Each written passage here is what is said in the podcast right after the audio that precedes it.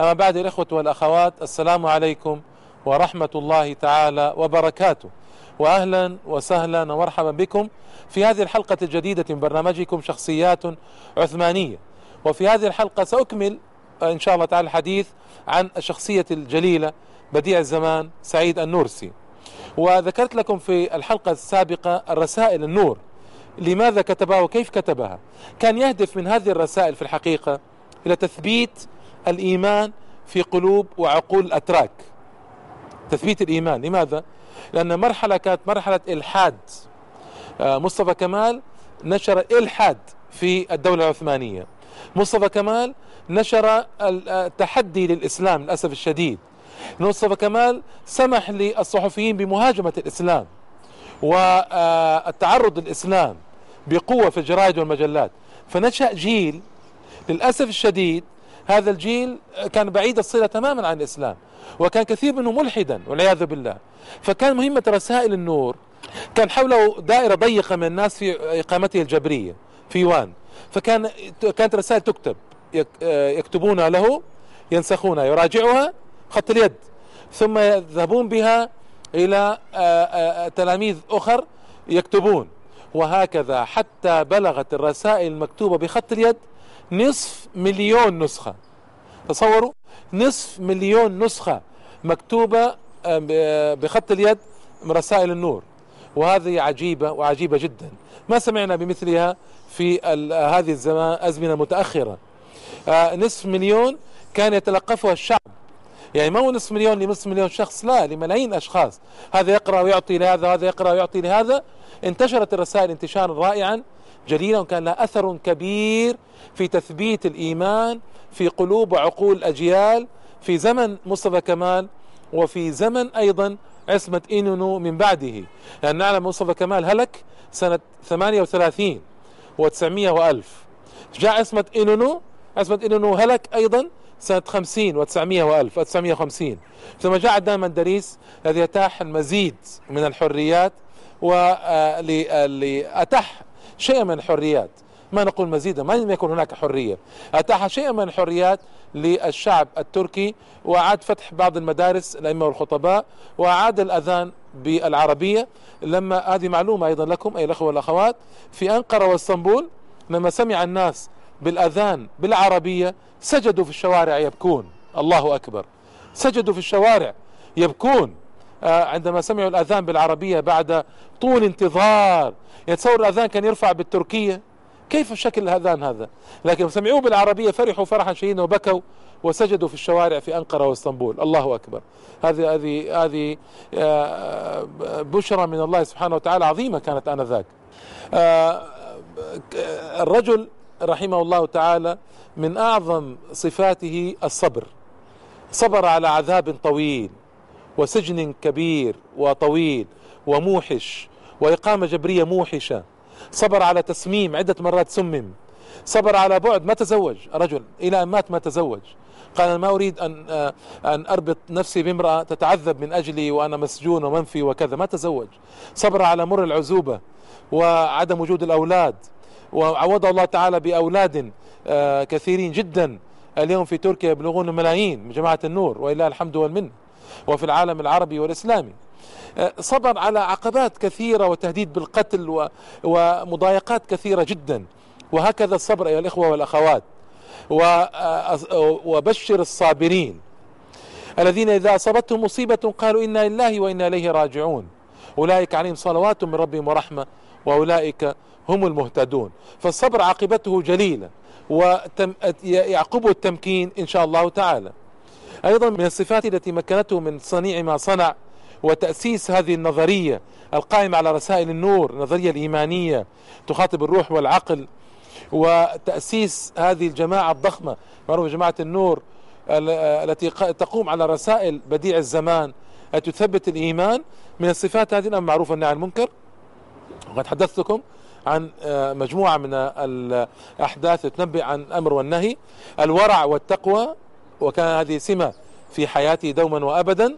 أيضا أنه استطاع أن يتجاوز المرحلة الإلحاد التي مرت بالدولة بدون يأس ولا إحباط يا الإخوة. لأن هذا المرض العظيم مرض اليأس والإحباط إن أصاب الدعاء مرض القنوط إن أصاب الدعاء قعدهم لم يمكنهم من العمل لم يمكنهم من الدعوة إلى الله سبحانه وتعالى. وقد مر بظروف سوداء آه، مطلقا.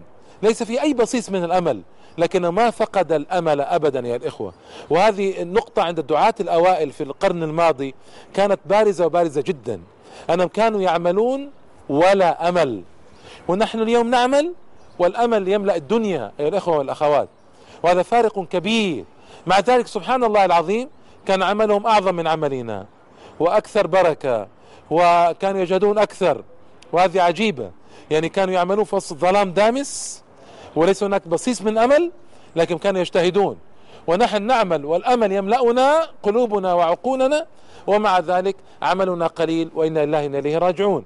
فمن أعظم صفاته أنه لم ييأس ولم يقنط ولم يحبط بل ظل آه، آه، مليئا بالتفاؤل. وهذه صفة جليلة وعظيمة. أيضا من صفاته أنه كان متواضعا لطلابه وللعامة. ما كان متكبرا ما كان مترفعا عنهم أيها الإخوة والأخوات. وهذا سر إذا وجد في عند العالم يصبح إماما للناس. التواضع وعدم التكبر. هذه أيضا الزهد والترفع عما في أيدي الناس. فما كان يقبل هدايا إلا من خاصة خاصة تلاميذه. ما كان يقبل هدايا من أحد. ولا يقبل أموالا من أحد. وكان لزهده الشديد يصرف قروشا قليلة فيكفيه المال ويبارك الله له بالمال وليس عنده أهل ولا ولد فكان يعيش على قروش قليلة. ويبتعد عن الهدايا والأموال ولا يقبل منها شيئا إلا في النادر. آه وهذه أيضا صفة مهمة عند العلماء الترفع. ولا تمدن عينيك إلى ما متعنا به أزواجا منهم. زهرة الحياة الدنيا لنفتنهم فيه ورزق ربك خير وأبقى. نعم أيها الإخوة والأخوات هذه صفة جليلة في بديع الزمان. أيضا كان يعني قد ارتحل في سبيل دعوته ذهب إلى الشام وألقى الخطبة الشامية في الجامع الأموي في الشتاء في البرد.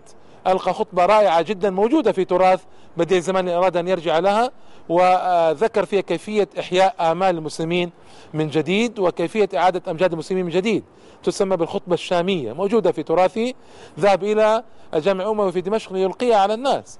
وهذا فيه جهد ومشقة لكن هذا واجبه رحمة الله تعالى عليه.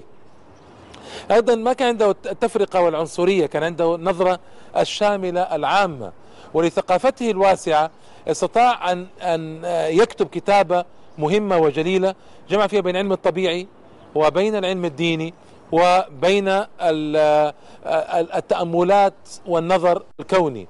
وهذه أكسبت رسائله رواجا كبيرا في خاصة أن القوم هنا في تركيا يحبون النواحي العقلية والفلسفية. يعني العجم عامة يحبون النواحي الفلسفية والكلامية والعقلية أكثر من غيرهم. فلهذا يعني انتشرت رسائله انتشارا كبيرا رحمة الله تعالى عليه. اليوم تطبع طبعا بعشرات الملايين بلغات العالم المختلفة وفي هذا آه، بقاء له وذكر له رحمة الله تعالى عليه. آه، طبعا عندما اقترب أجله رحمة الله تعالى عليه آه، رفض الطغاة أن أن يجعلوا له مدفنا معلوما حتى لا يصبح بعد ذلك مزارا لكثير من الناس ويصبح يعني مذكرا للناس وكذا. فعندما مات رحمة الله تعالى عليه أخذوه في سيارة بدون أن يعلم أحد أين يذهبون به ودفنوه في مكان مجهول لا يعلم إلى اليوم.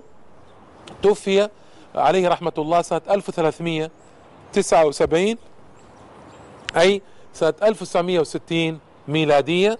آه، توفي وقد ترك تراثا رائعا من العلم وترك تلاميذ بعضهم يعيش إلى اليوم يفخرون به ويذكرونه بخير ويدورون بهم تلاميذهم الآخرون في العالم آه، لكي يذكروا مذكراتهم عن بديع الزمان وأحوال بديع الزمان.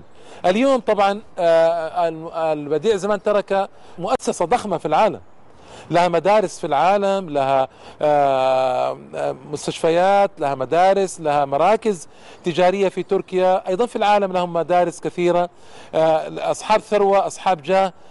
يعني أصحاب عمل أيضا أصحاب ترجمة للكتب كتب بديع الزمان أصحاب بذل وعطاء يقيمون المؤتمرات الندوات أيضا السنوية والمؤتمرات كل سنتين أو ثلاث سنوات لأجل بديع الزمان.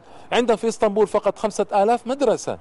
في إسطنبول فقط خمسة آلاف مدرسة آه، نورية موجودة. يدرسون فيها كتاب الله تعالى ورسائل النور. وأنا أرجو أطلب منهم في الحقيقة في آخر الحلقة الثالثة يتحدث فيها عن بديع الزمان أرجو أن آه، أيضا أن يتعاونوا مع غيرهم من الإسلاميين الموجودين. فمنهجهم منهج جليل وعظيم وأتمنى في الحقيقة من النوريين اليوم أن يتعاونوا مع آه آه، الحركات الإسلامية الأخرى موجودة في تركيا من أجل أن يرتقوا بحال الإسلام والمسلمين موجود في تركيا. تركيا اليوم مقبلة على عصر جديد وعلى ازدهار إسلامي جديد وهي بحاجة لكل الجهود حاجة ماسة لكل الجهود. نحن بحاجة لاجتماع الأفكار والآراء والجهود والعمل. ولو كان بديع الزمان رحمه الله تعالى حيا اليوم لاتخذ من الخطوات الكثيرة تكفى الاجتماع تكفى الاجتماع مع الآخرين. والعمل لمصلحة الإسلام والمسلمين. فأتمنى من تلاميذي أن يجتمعوا أكثر مع باقي الإسلاميين في تركيا وأن يكونوا صفا واحدا إن شاء الله تعالى. التجربة النورية تجربة في الحقيقة آه، مهمة جدا. علينا ندرسها وتدرسها الحركات الإسلامية وتدرسها الأجيال القادمة ليعرفوا كيف يمكن أن ندعو إلى الله سبحانه وتعالى في آه، خضم ظلمات بعض فوق بعض. ولا نيأس ولا نحبط ولا نقنط وأن نعتصم بحبل الله سبحانه وتعالى وأن يكون لدينا من الصفات الإيمانية والعلمية ما يكفو لنا سلامة الطريق وسلامة المقصد أيضا إن شاء الله تعالى. تلك كانت سيرة موجزة في الحقيقة جدا لبديع الزمان النورسي وهذا ما تيسر في حلقات ثلاث. أسأل الله تعالى أن يرفع درجته وأن يعلي من شأنه في جنات النعيم. إنه ولي ذلك والقادر عليه. وإلى اللقاء إن شاء الله تعالى في حلقة قادمة. والسلام عليكم ورحمة الله تعالى وبركاته.